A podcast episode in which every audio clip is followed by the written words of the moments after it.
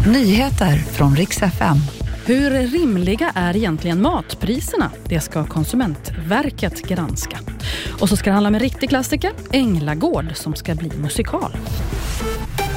Vi ska börja i centrala Malmö där det pågår en stor polisinsats. Två skadade män har hittats strax efter 14. En av dem har förts till sjukhus och delar av centrala Malmö är avspärrat och det pågår fortfarande en brottsplatsundersökning.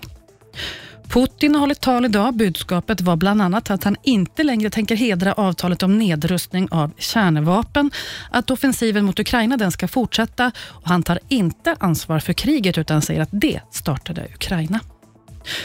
Att matpriserna hemma i Sverige har ökat har nog ingen missat, men det visar sig att de ökar mycket mer i Sverige än i våra nordiska grannländer. Och nu vill Konsumentverket utreda varför, om konkurrensen mellan våra livsmedelskedjor är för svag, så att vi tvingas betala för mycket för vår mat.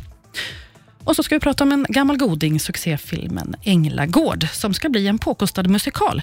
Det är Oscarsteatern i Stockholm som gör en favorit i repris, det vill säga göra musikal av film. För några år sedan gjorde de samma sak med storfilmen Så som i himlen.